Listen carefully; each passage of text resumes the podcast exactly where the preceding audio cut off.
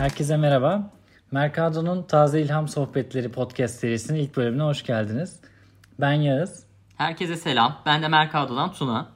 Dilersen önce birazcık Mercado'dan bahsedeyim. Belki bizi ilk kez dinleyenler, ilk kez bizden haberi olanlar olabilir. Sen birazcık Mercado'yu anlat Yağız. E, Mercado aslında e, yeni nesil dijital sanat ve tasarım içeriklerini bulunduran bir platform. Bu içerikleri paylaştığımız bir e, paylaşım platformu.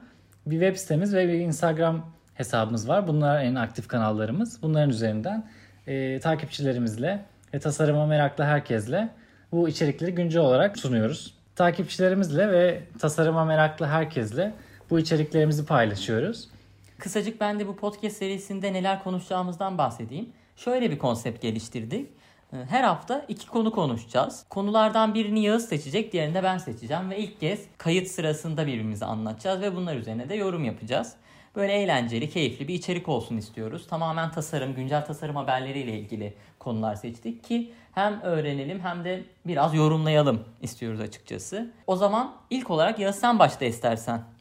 Bu arada şimdi burada konular konuşuyor olacağız. Biz bunların görsellerini görüyoruz. Tasarımda çoğunlukla görsellik üzerine bir alan olduğu için sizin için de bu görselleri sitemizde hazırlıyoruz. Podcast başlığı altında e, her bölümde bahsettiğimiz konularla ilgili görselleri görebilir. Onlarla birlikte bu podcast'i dinleyebilirsiniz.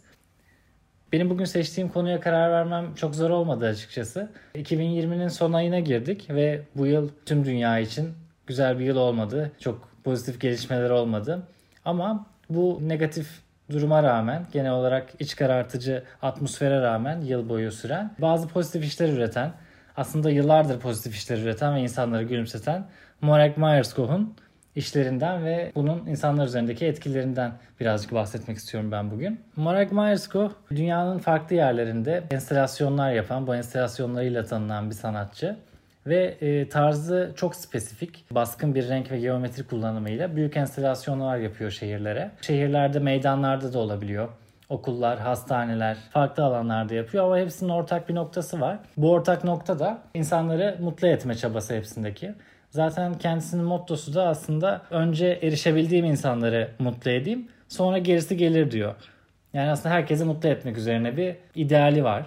Benim bu konuyu seçmeme neden olan son projesi de zaten bu idealinden yola çıkmış bir şey ve aslında bu idealine en çok ihtiyaç duyulan zamanda kendini gösterip bu enstalasyonu ortaya koymuş. Karantina dönemi sürerken kısa süreli de olsa dışarı çıkan insanları gördüklerinde gülümsetebilmek için bir enstalasyon tasarımı yapmış.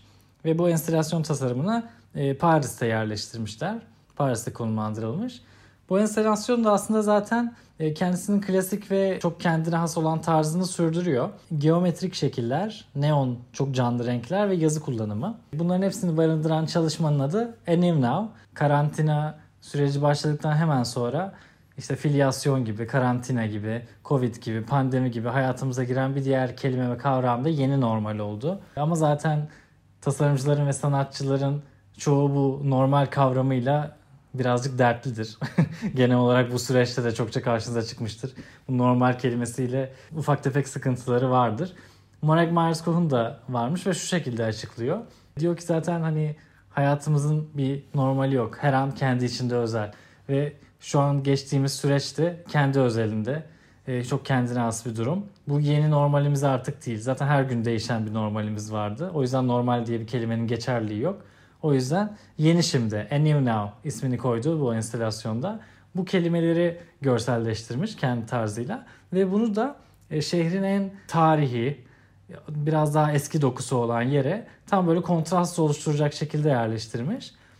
Ve bu sayede bu ağır kontrast zaten tarzı gereği konulduğu çoğu yerde kontrast duran çalışma insanların asla gözünden kaçmayacak bir şey. Ve gözden kaçmaması zaten istediği bir durum. Çünkü lokasyon bazlı işler yapıyor ve o an orada bulunan herkesin katılabileceği, e, mesajını alabileceği ve onları mutlu edebileceği işleri yapmak istiyor. Bu çalışma aslında tam olarak bunu vermiş ve e, tam bu yaşadığımız dönemin üstünde gerçekten insanların morale ihtiyacının olduğu, depresyondan çıkması gerektiği, motivasyonunu yükseltmesi gerektiği dönemde gerçekten en belki de misyonuna e, uygun zaman Morag Myers-Koh'un üretmesi için. O yüzden bu çalışma bana çok ilham verdi. Şimdi biz Tuna ile görsellerine bakıyoruz bir yandan. Siz de enstalasyonla ilgili görsellere sitedeki yazıdan bakabilirsiniz. Ya ben genel olarak grafik tasarım temelli ve renkli işleri zaten çok beğenirim. Özellikle bir de pozitif bir içeriği olması beni çok etkiledi. Sen ne düşünüyorsun bu konu hakkında? Ya zaten senin genel olarak kişilik yapına da çok uyumlu bir proje. Çünkü e, genel olarak Yağız çok pozitif bir insandır. Yani tanım en pozitif insanlardan birisi. Ben daha çok depresif taraftayım. Tasarımın depresyon sever tarafında kalan bir tasarımcı olarak. Ya bu Moral aslında çok ilginç. Yani daha önce eminim hepiniz çalışmasını rastlamışsınızdır. Ama ben hani ismen bilmiyordum. İsmen ilk kez Yağız sayesinde tanışmış oldum. Ya çalışmanın da şöyle bir özelliği var. Hatırlarsanız karantinanın ilk döneminde ilk yasaklar geldi. Biz televizyonlarda izliyorduk. İlk zaten bir Avrupa'da oldu bu. İşte İtalya, Milano karantinaya girdi falan böyle hani kimse çıkmıyor. Herkes böyle özel izinlerle çıkıyor. E, bir de tabii Avrupa'nın biliyorsunuz bütün kentleri neredeyse çok eski yapılarla, mimari yapılarla çevrili ve e, bu gotik mimari gerçekten iç karartıcı. Ve tabii biz o görüntüyü gördüğümüz zaman yani insanlar tek tük geçiyor o meydanlardan falan. Mora'nın bu e, eserini gördüğünüz zaman bir anda insan o zor koşulda markete gittiğinde e, gülümsemesi, o pozitif vibe'ı vermesi açısından gerçekten keyifli bir çalışma olmuş. İsme gelecek olursak da yani gerçekten bu iyi now senin de söylediğin gibi tasarımcılar sevmez ama aslında yeni nesil sevmez normal kelimesini. Çünkü hani normal nedir? Ee, bu bir soru işareti. Normal diye bir şey aslında yok. Çünkü normal olduğu zaman anormal diye de bir kavram çıkıyor. O yüzden de hani yeni normal yerine yeni şimdi demek. Hayatımızın sürekli aslında değiştiği ve değişeceği ve sürekli buna uyum sağlamak zorunda olacağımız e, bundan sonraki tüm süreç böyle gelişecek. O yüzden de bu isim ya kesinlikle çok doğru olmuş. Ben çalışmayı açıkçası çok beğendim. Evet ben de çok beğendim. E, ve aslında çok yeni nesil bir içerik. Zaten bizim ele aldığımız içerikler genel olarak bu şekilde ama bunu yapan isim de 30 yıldır stüdyosu olan bir isim ama çok yeni nesil bir bakış açısına sahip. Ben bu yönünden de etkilendim. Dilersen projeyi, bu konuyu Moran şu sözüyle kapatalım.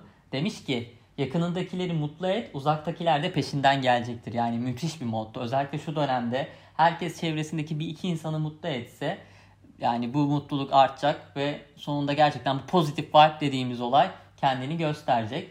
Ve hele de bunu tasarımın gücüyle yapmak, bir şehrin, kentin meydanına bunu yapıp yüzlere, binlere ulaşmak kesinlikle çok değerli bir proje. Bu da tasarımın gücü diye. Evet kesinlikle.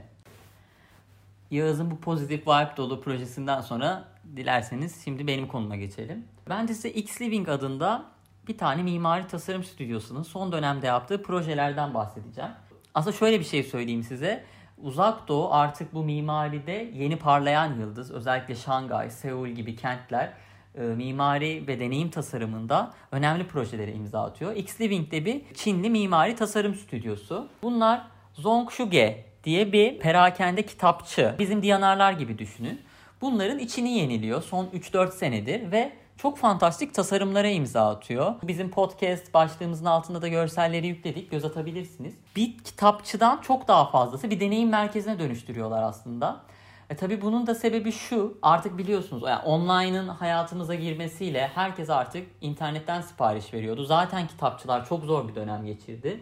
E, üstüne bir de pandemi gibi bir dönem geldi. Biliyorsunuz Paris'in ikonik Shakespeare ve Company gibi kitapçıları kapanmayla yüz yüze kaldı. New York'taki Strand Kitabevi dahi hani kapanma kararı aldı. E durum böyle olunca da insanları mağazalara çekebilmek için yeni deneyimler sunmak gerekiyor. Artık tek o fonksiyonu dışında farklı şeyler sunmalısınız ki insanlar o mağazaya gelip alışveriş yapsın. Fiziksele tekrar döndürmek insanları artık yeni deneyimlerle mümkün ve bunun da yolu tasarımdan geçiyor bir yerde. X Living de yeni nesil bir stüdyo ve Zongshuge markasıyla birlikte kitapçıları yeniliyorlar. Bu mağazalarını yeniliyorlar. Ve böyle yerden tavana kadar uzanan devasa sütunların içerisinde kitaplar, aynalar ve ışık oyunlarıyla aslında bir Instagram point yaratıyorlar. Bir değil aslında girdiğin zaman tüm mekan bir Instagram point oluyor. Ve sadece Instagram'da paylaşmak için değil aslında farklı bir deneyim yaşıyorsunuz. Bu arada Yağız da deneyim tasarımı üzerinde uzmanlaşmış bir tasarımcı. O yüzden senin yorumlarını özellikle merak ediyorum. Yani bu kadar online hayatımızdayken insanlar fiziksele niye dönsün? Veya tasarım insanları fiziksele geri döndürebilir mi sence? Bana bu e, proje öncelikle bir filmi hatırlattı. Belki hatırlayanlarınız vardır. Onun üzerinden bahsetmek istiyorum. E, Meg Ryan'la Tom Hanks'in oynadığı Mesajınız Var, You Got Mail diye bir film vardı. Orada Meg Ryan'ın küçük bir kitapçısı vardı. Tom Hanks Meg Ryan'dan hoşlanıyordu ama onun da Meg Ryan'ın kitapçısını tehdit eden çok büyük, devasa, içinde işte kafesi olan, kitap okuma alanları, çocuklara özel alan olan çok kocaman bir kitapçısı vardı. Onu böyle başta canavar gibi görüyorduk. Meg Ryan'ın kitapçısını, küçük kitapçıyı tehdit ettiği için, ona kapanma tehlikesi yaşattığı için. Ama sonradan Meg Ryan da zaten filmde gördü ki burada farklı bir deneyim sunuluyor. Kendisinin vermediği yepyeni şeyler var. İşte kahvenizi alıp kitap okuyabiliyorsunuz. Çocuklar için özel alanlarda etkinlikler düzenleniyor gibi. Bu dönüşüm aslında bir kere yaşandı. Zaten tarihte böyle dönem dönem yaşanan atlamalardan biri. Yani tek kanallı satıştan aslında çoklu bir deneyim sunma dönemine geçilmişti. Ama bu deneyim sunma derken daha çok çoklu bir hizmet sunma demek daha doğru olabilir. Burada farklı hizmetlerin bir araya e, getirilmesi ve bir kombinasyon sunulması vardı. Bu şekilde de bir deneyim merkezi oluşturuyordu. Şimdi ise alışveriş zaten çok farklı bir hale geldi. Online hayatımıza girdikten sonra kitapçılara girip kitap kabaklarına bakıp listemize atıp sonra online'dan sipariş verdiğimiz bir hale geldi. Büyük ihtimalle bu uzak doğuda da bu şekilde ki e, kitapçılar böyle atılımlar yapmak istedi ve bu yarattıkları mekan siz de fotoğraflarını gördüğünüzde yani daha önce bulunmadığınız bir yerdir.